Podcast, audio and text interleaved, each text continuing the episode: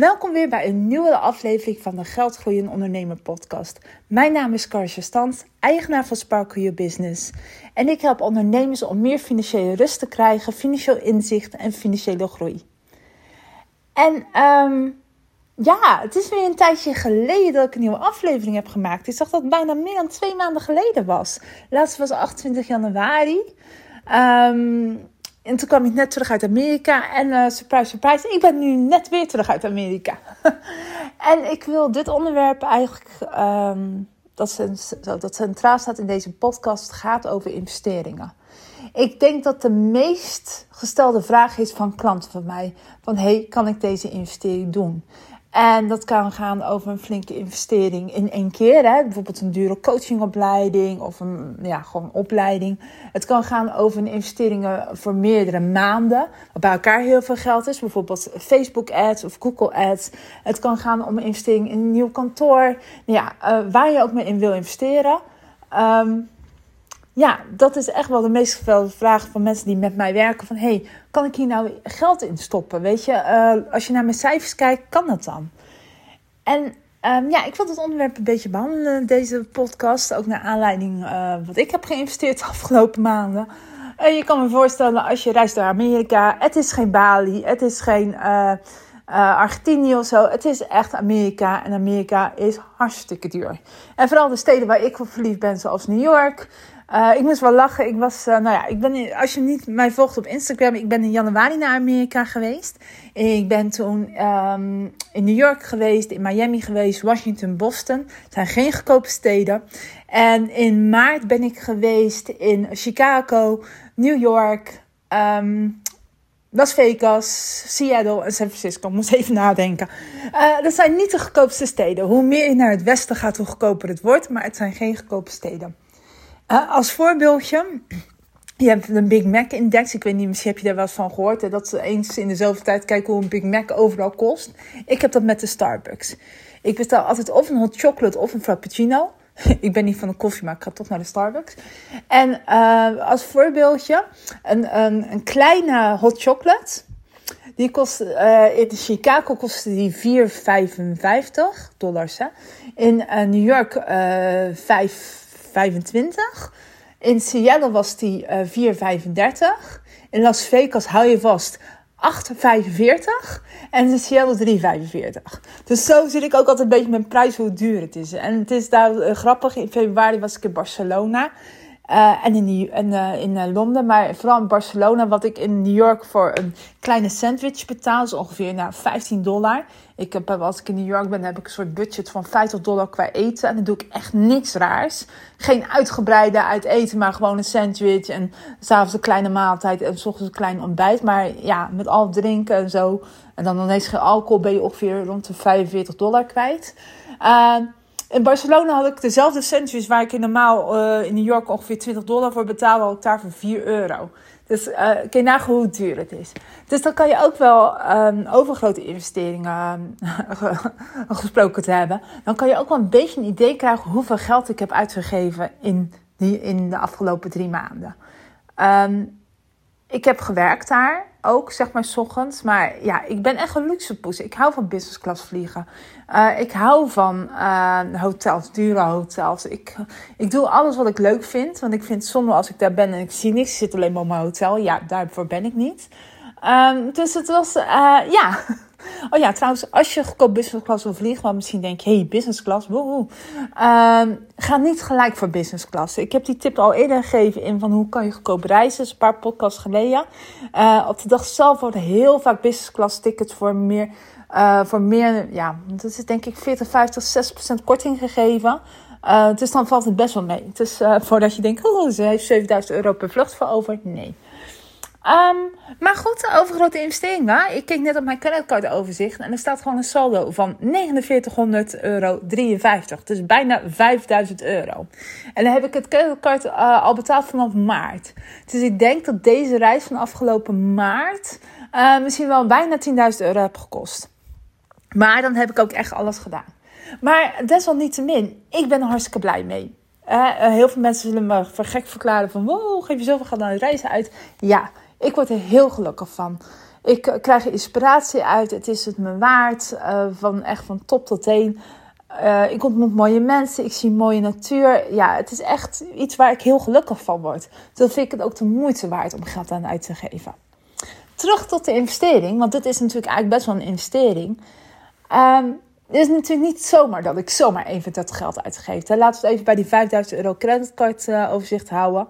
Ik heb dat natuurlijk uh, voor gespaard. Ik weet dat het eraan komt. Ik heb het gepland. Ik heb zelfs heel mijn reizen tot 2025 heb ik gepland. En um, ik doe dat natuurlijk met financieel beleid. En daar wil ik het eigenlijk over hebben. Want stel je voor hè, dat jij. Uh, nou, laat ik het eens over mezelf hebben. Ik heb eerst ongeveer twee jaar gewacht, of twee jaar een buffer gespaard. En voor mij was het heel belangrijk dat ik gewoon 50.000 euro op mijn rekening had staan. Gewoon dat ik twee jaar vooruit kom. Mocht heel de wereld vervallen en niemand meer klant bij mij zijn, dat ik gewoon dat saldo op mijn rekening had staan. En ik word daar heel gelukkig van. Het is echt heel veel, ik weet het. Ik, zal, ik raad het ook niet een van mijn klanten aan om dat te doen. Maar ik vind het een mooi bedrag gewoon waar ik me veilig bij voel. Voor jou kan het natuurlijk heel anders zijn. Voor jou kan het al 10.000 euro zijn wat op, de, op je bank staat. Uh, het kan misschien 3000 euro zijn. Ik zou sowieso altijd aanraden dat je ongeveer drie tot zes maanden op je bank hebt staan. Je weet nooit wat er gebeurt. Kijk maar net corona natuurlijk. Maar uh, kijk even wat voor jou fijn voelt. Dat kan echt, dat is voor iedereen verschillen. Maar voor mij was dat dus inderdaad dat grote bedrag. En sinds ik dat bedrag gehaald heb, heb ik zoiets van, nou, nu kan ik gewoon lekker geld uitgeven. En natuurlijk met beleid, want het moet natuurlijk wel op mijn rekening staan. Hè, dus ik heb inderdaad uh, mijn financiële plan, mijn financieel dashboard daarvoor gebruikt. Uh, wat je op de site kan kopen. Als je www.sparkleyourbusiness.com staat daar een oranje knop. En dat ziet de koop financieel dashboard.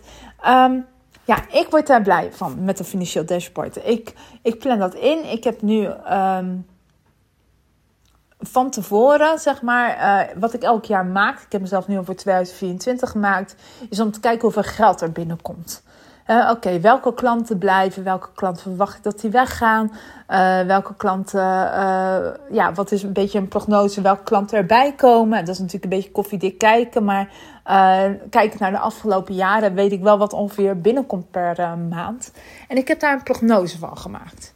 Dus ik weet van, hé, hey, in 2023 krijg ik x omzet binnen. 2024 zal ik waarschijnlijk ook dit x omzet binnen krijgen. Dat heb ik gemaild qua kosten. Ik bedoel, dat is ook niet zo heel raar bij mij. Uh, weet je, ik heb mijn vaste kosten voor mijn, mijn, software en uh, voor inhuur van mensen. En nou ja, allemaal dat soort dingetjes. Dat loopt ook wel gewoon geleidelijk door. Het is niet zo dat ik de ene jaar een ton kost heb en de andere jaar nul. Nee, dus dat kan, je, dat kan ik in ieder geval makkelijk uh, prognosticeren wat er allemaal aankomt. Dat heb ik al met mijn overzichtjes gemaakt. Daarna uh, doe ik mijn eigen salaris eraf. Ik hou rekening met de inkomstenbelasting. En dan kijk ik wat voor geld er over is. En je kan natuurlijk een aantal dingen doen met je winst na belasting. Vergeet dat nooit, dat je altijd belasting moet betalen. Um, daar kan je natuurlijk bepaalde dingen mee doen. A, je kan het vasthouden in je bedrijf als je er niks mee doet. Je kan het uh, investeren in je bedrijf. Je kan, zeg maar, tussen aan een opleiding of dat je mensen inhuurt of nou, wat je ook maar wilt. Je kan natuurlijk dingen naar jezelf uitkeren. Dat kan bijvoorbeeld dat je een hoge salaris aan jezelf uitkeert. Of dat je een extra Um, gewoon in één keer een winstuitkering doet, zoals ik dus doe af en toe. En dat in een tijd neergezet. Ik weet bijvoorbeeld dat ergens uh, volgend jaar ga ik weer uh, weg. Dat me zoveel x euro kost. Ik heb dat helemaal in de tijd weggezet. En ik zie dan steeds dat mijn buffer intact is. En zelfs zeg maar, ik denk altijd wel een beetje in een worst case scenario. Hè, dus ik weet ook wel, uh, ja, wat als in het slechtste geval is, kan ik het nog steeds allemaal betalen? Ja. En zo maak ik die overweging. Ik gebruik er echt een financieel plan voor. Dus als jij denkt van, hé, hey, ik wil Facebook ads gaan uh, doen en dat kost me 2000 euro per maand. Of Google ads, het maakt niet uit waar je in adverteert. Uh, maak dan zo'n financieel schema. Kijk wat er voor nodig is. Zeg maar, ja, wat er eigenlijk allemaal aankomt qua omzet. Probeer dat uh, te voorspellen. Kijk ook wat voor kosten je hebt. Haal daar een belastingdienstje uit, zeg maar, in de tijd. En kijk daar dan uit, zeg maar, wat er uitkomt. Wat er, um, ja, hoeveel, dan, hoeveel geld er dan overblijft. En beslis daar wat je daarmee doet.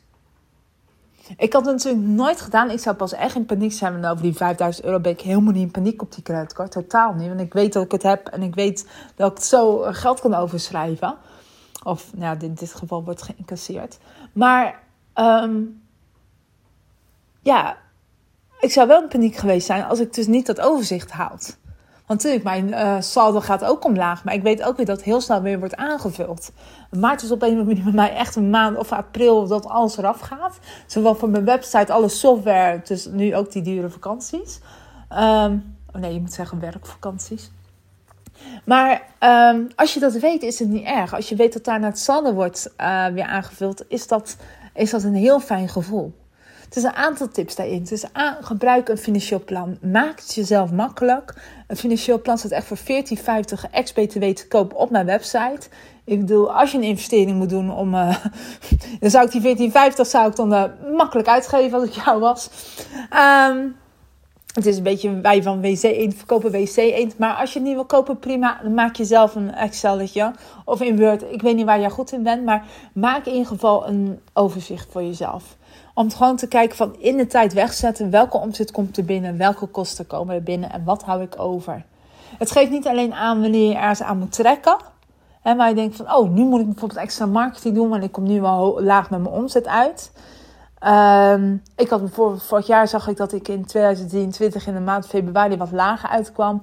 Heb ik een nieuw aanbod bedacht? Heb ik nieuwe, um, ja, wat marketing gedaan? En deze is februari een van mijn topmaanden. Um, ondanks dat ik allemaal in het buitenland ben, ongelooflijk maar waar. Maar uh, het, is, het geeft je ook heel veel inzicht wanneer jij extra omzet nodig hebt. En ook in die kosten, verwerk daar dan bijvoorbeeld als je gaat investeren in uh, je bedrijf. Dus of je neemt mensen aan, of je doet een uh, advertentiebudget. Neem dat nieuwe budget ook mee om te kijken hoe je dan uitkomt. Dus neem ook gewoon die investering al mee. En wat er dan overblijft, dat is wat je jezelf kan uitkeren. Dus het is een financieel plan maken, een buffer opbouwen en gewoon plannen in de toekomst. En dan schrik je ook niet meer van een rekening van 5000 euro, want daar had je rekening mee gehouden. Al mijn reizen heb ik ook echt gewoon per locatie heb ik die uitgebouwd. Dus ik weet precies wat ik voor een hotel kwijt ben, wat voor excursies ik allemaal wil doen, wat ik qua eten en drinken kwijt ben en qua openbaar vervoer, of eventueel taxis of Ubers. Uh, zodat dat mij ook niet verbaast. En natuurlijk zit er wel eens iets tegen of iets mee. Maar als het goed genoeg is, heb je daar ook je buffer voor. of weet je het zo uh, aan te vullen met nieuwe klanten of met nieuwe. Uh, of je doet iets, iets minder investeren, iets minder luxe. Dus wees je vooral bewust van als je een investering wil doen, wat heeft dat voor consequenties voor de toekomst? En dat is wat ik eigenlijk met mijn klanten doe. Dus ik kijk inderdaad met hen samen van oké, uh, wat verwacht je in de toekomst? Uh, qua kosten en qua omzet. Hoe ziet dat eruit? Um, wat wil je investeren? Is het de juiste investering? Dat is natuurlijk een tweede. Uh, word je daar gelukkig van? Help het tot je doel?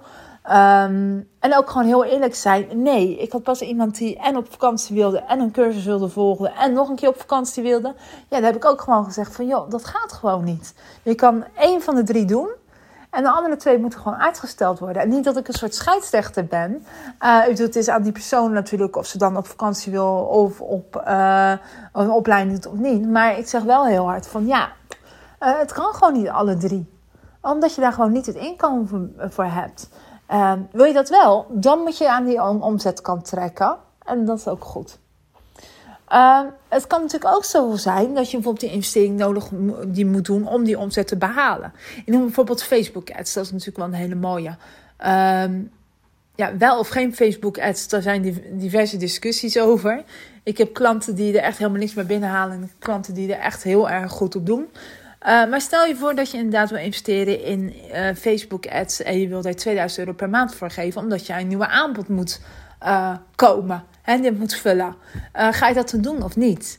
Nou, mijn advies is dan inderdaad, ga, gewoon beginnen met een wat kleiner bedrag. Test het uit en zodra je ook maar ziet dat het een succes is, laat het dan lekker groeien.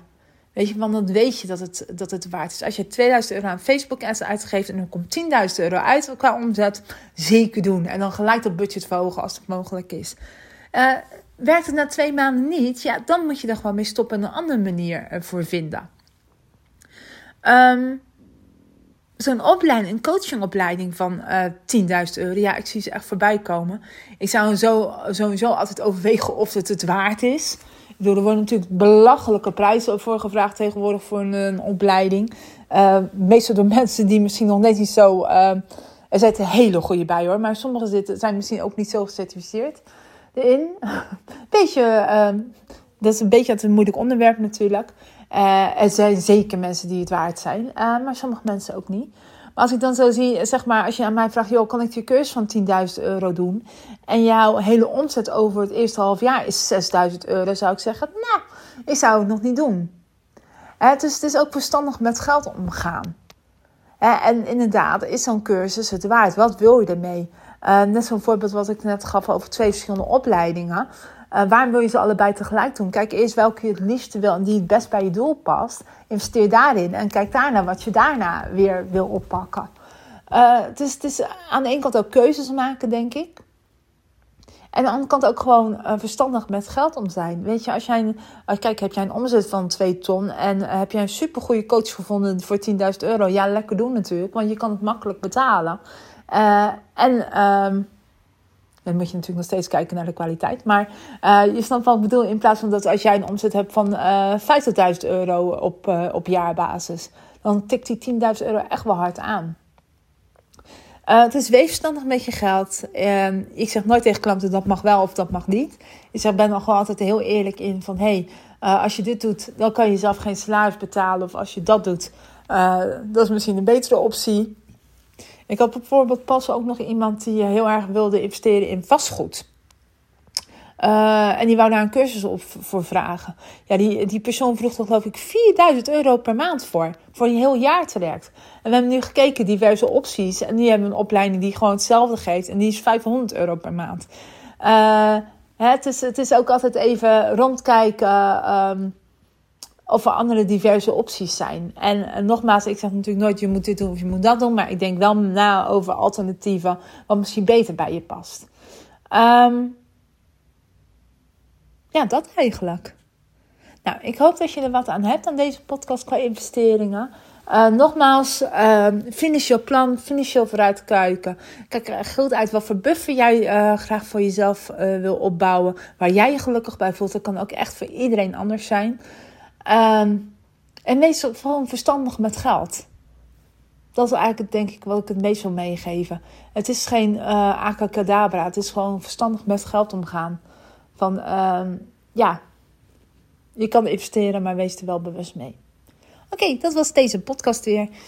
Um, ik, ik hoop dat je er wat aan hebt en we spreken elkaar uh, later weer. Dankjewel voor het luisteren. Groetjes.